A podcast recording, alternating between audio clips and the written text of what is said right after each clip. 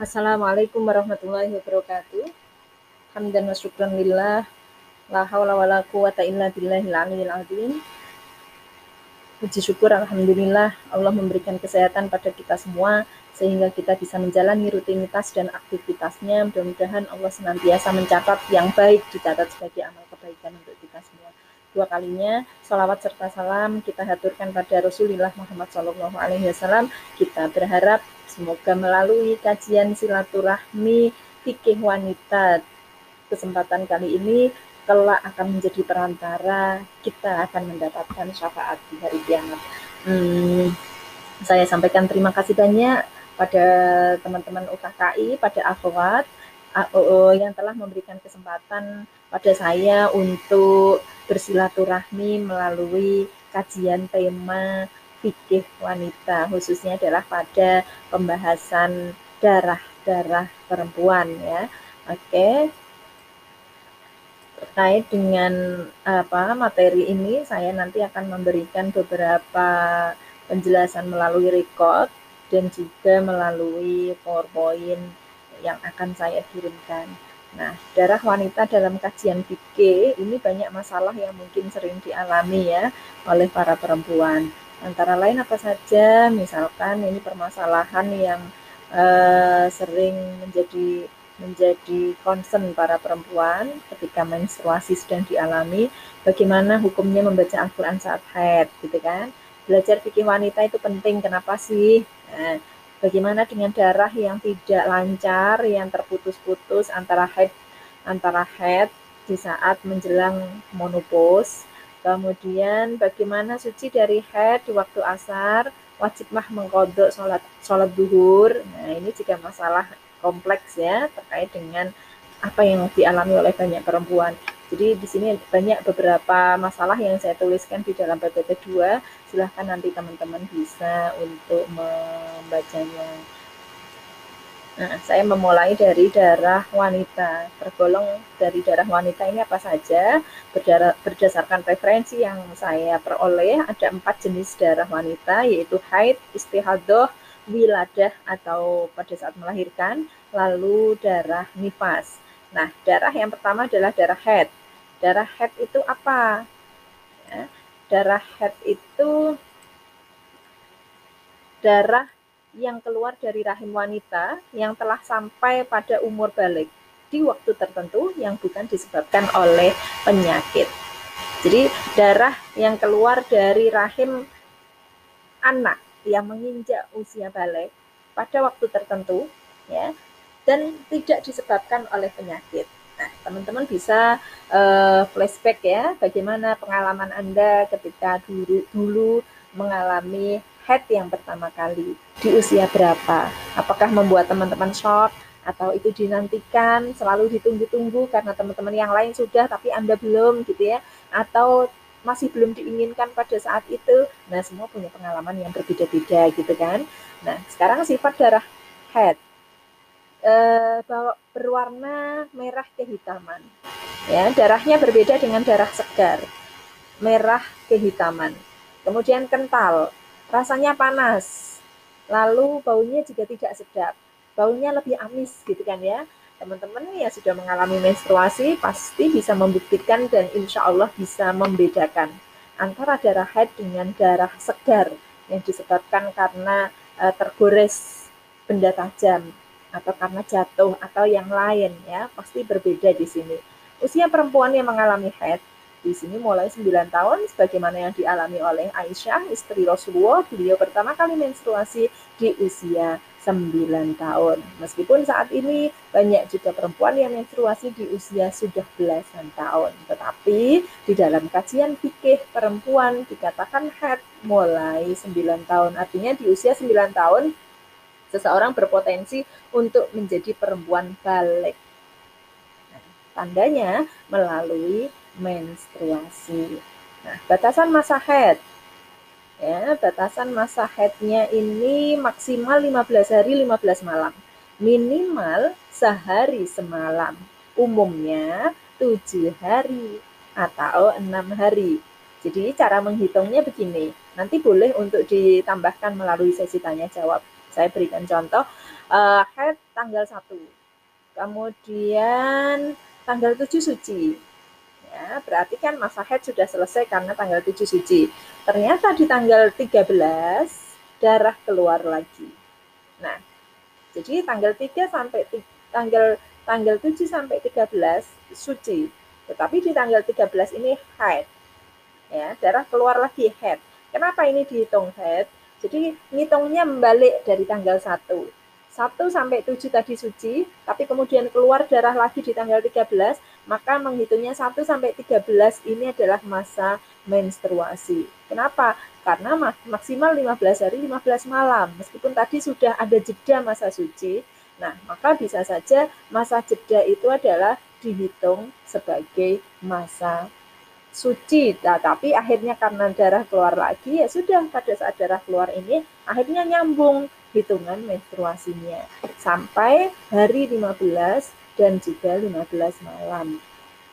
Batasannya berarti tanggal 16. Misal tadi keluar darahnya tanggal 1 jam 6 pagi, maka 15 hari 15 malamnya adalah jam 6 tanggal 16. Kalau dari tanggal 13 ini tadi darah keluar sampai dengan tanggal 20, maka di tanggal 16 karena sudah terhitung 15 hari 15 malam masa haid habis, maka tanggal 16 jam 6 dia wajib mandi untuk menjalankan kewajibannya sebagai perempuan dalam kondisi suci.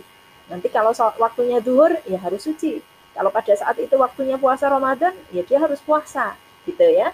Karena batasan masa haid 15 hari 15 malam. Begitu juga sebaliknya, batasan masa suci 15 hari 15 malam. Kalau ternyata hitungan sucinya belum sampai 15 hari 15 malam, berarti masa istihadah. Misal tadi ya, saya lanjut contohnya ya, tanggal 16 dia suci gitu kan, karena masa maksimal haid sudah habis. Lalu eh, tanggal 25 tanggal 25 eh, apa darahnya keluar lagi. Tadi suci, kemudian benar-benar mampet itu tanggal 20 gitu kan ya. Nah, kemudian tanggal 21 sampai 26 benar-benar masa suci darah tidak keluar. Tapi tanggal 26 ini keluar darah lagi. Berarti kan hitungannya belum mencapai 15 hari 15 malam untuk hitungan minimal masa suci. Artinya pada saat itu istihadoh lagi. Kalau ternyata siklus bermasalah ini berulang kali terjadi setiap bulan, berarti mungkin ada hormon tubuh ya yang tidak baik. Segera untuk konsultasi ke dokter.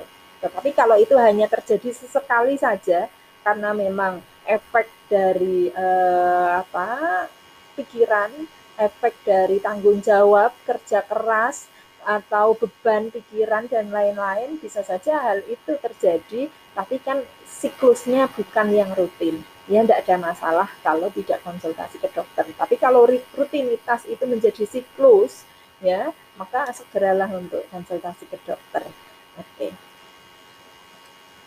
Lalu hmm, batasan masa haid sehari semalam minimal untuk hitungan minimal. Jadi kalau saat ini keluar darah, cerit gitu ya. Ternyata nanti duhur, asar, lalu maghrib sampai isak celana bersih suci, tidak ada bercak darah.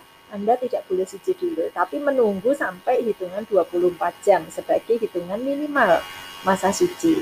Kalau masih tidak keluar, silahkan untuk suci, kemudian sholat, dan seterusnya.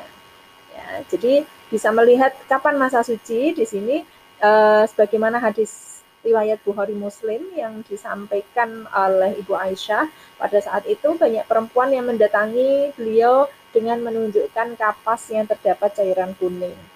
Lalu Ibu Aisyah menyampaikan la ta'jalna hatta tarainal qassatal bayda. Jangan buru-buru untuk bersuci sampai benar-benar terlihat putih pada kapas itu.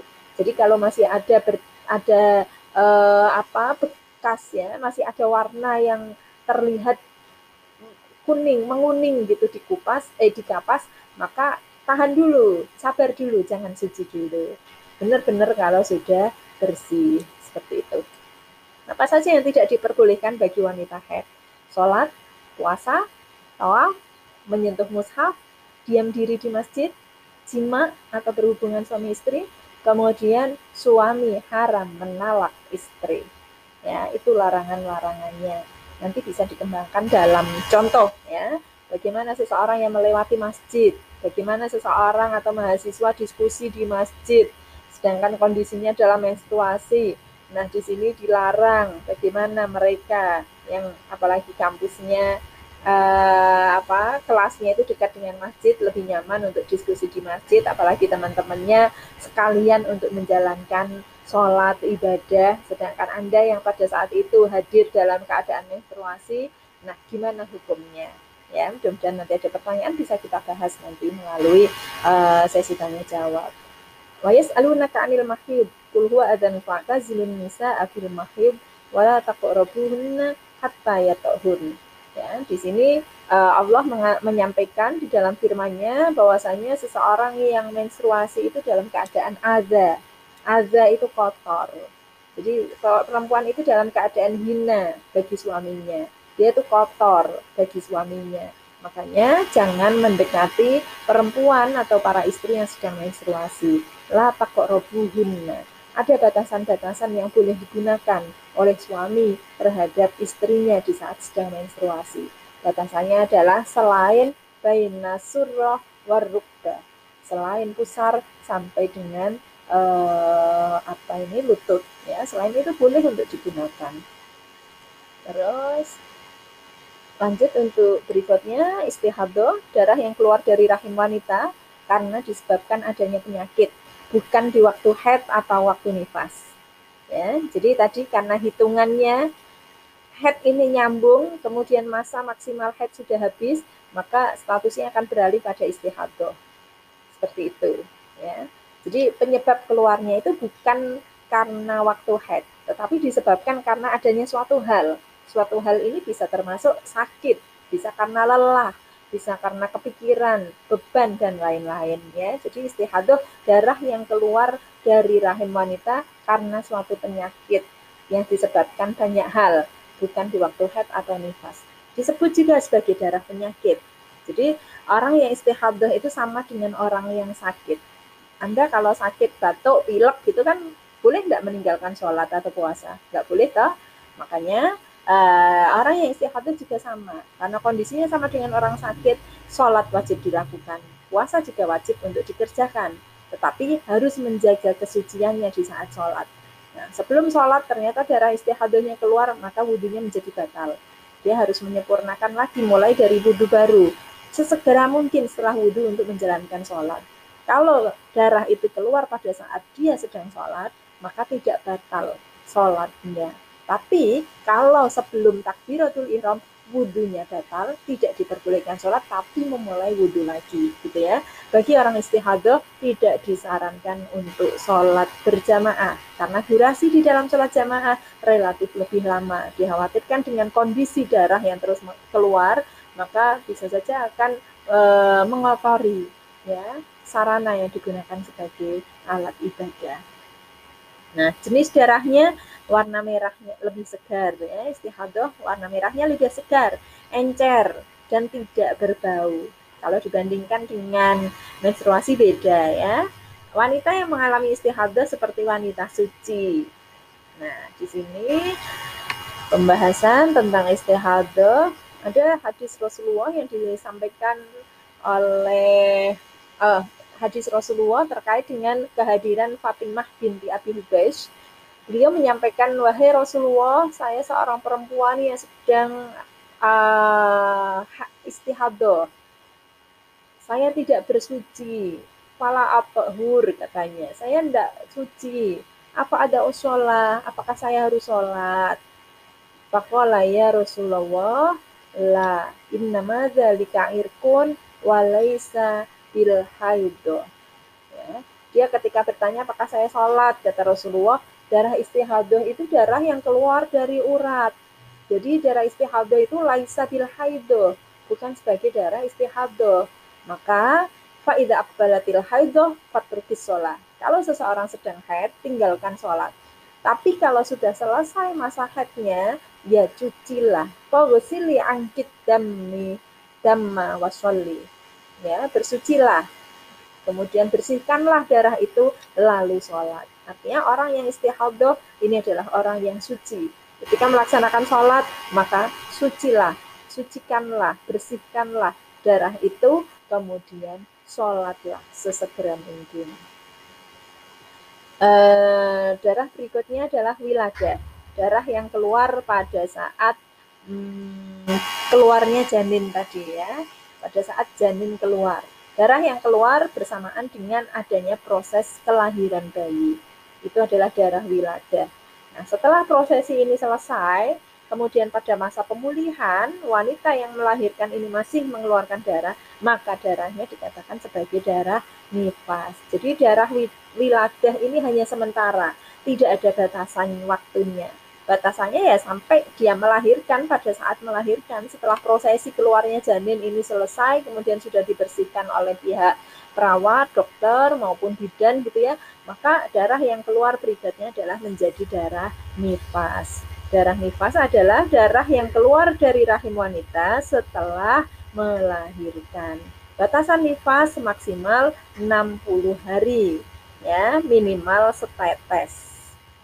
Umumnya 40 hari. Jadi kalau dari proses melahirkan atau darah wiladah yang keluar bersamaan dengan bayi tadi, kemudian dibersihkan oleh bidan atau dokter dan perawat, lalu dipindahkan ke ruang pemulihan. Ternyata sampai di ruang pemulihan dan seterusnya darah sudah tidak keluar lagi, hanya keluar sedikit saja. Setelah itu nggak keluar lagi, maka pada saat itu boleh untuk bersuci bagi perempuan yang sudah mengakhiri masa nifasnya dengan waktu yang sangat-sangat minimal yaitu setetes. Umumnya 40 hari ya. Nah, jenis darah lebih kental, baunya lebih kuat, warnanya lebih hitam dari darah head. Jadi darahnya ini lebih menggumpal sampai tersiram air pun tidak bisa mencair, sulit untuk mencair. Masih ada gumpalan kuat-kuat gumpalannya. Segala hal yang dilarang bagi wanita head tentunya dilarang juga bagi wanita nifas. Kalau orang yang istihadah berbeda, ya istihadah kan dalam keadaan suci, boleh dia untuk melakukan apa pun seperti itu. Nah ini eh, sebelum yang terakhir, sebelum yang kesimpulan, eh, ada hadis Rasulullah yang menyebutkan bahwa uh, Rasulullah menyampaikan kepada beberapa perempuan, hadis riwayat Bukhari ya, uh, bukankah perempuan ketika haid tidak boleh sholat dan tidak boleh puasa? Jawab perempuan yang mendengar pada saat itu, iya benar wahai Rasulullah. Kata Rasulullah, itulah kekurangan agama perempuan. Artinya apa? Uh, agama perempuan menjadi tidak sempurna disebabkan karena siklus yang dialami dan ini atas kodrat wanita, atas kehendak Allah tentunya tetapi ini berimplikasi pada ketidaksempurnaan agama wanita jika dibandingkan dengan laki-laki. Nah, sebagai kesimpulan yang terakhir, kewajiban perempuan untuk mempelajari hal-hal yang berhubungan dengan darah disebabkan karena banyak sangkut pautnya dengan amal ibadah dan pergaulan antara suami dan istri. Ini menjadi penting kita untuk tahu, paham berdasarkan syariat, berdasarkan pada fikih, bagaimana dan apa yang harus kita lakukan ketika darah itu sedang keluar dari tubuh kita. Jangan sampai kita keliru untuk menghitungnya. Darah head kita hitung sebagai darah suci. Ya, sebetulnya saat itu darah suci kita hitung sebagai darah head. Artinya kewajiban kita menjadi tidak kita lakukan karena salah pemahaman atau salah penghitungan. Nauzubillah min dalik. Mudah-mudahan ini menjadi uh, tambahan pengetahuan bagi teman-teman dalam menyempurnakan syariat Islam khususnya adalah dalam menyempurnakan ibadah kita sehari-hari. Kurang lebihnya demikian. Nanti kita lanjutkan dalam sesi tanya jawab. Uh, terima kasih banyak. Assalamualaikum warahmatullahi wabarakatuh.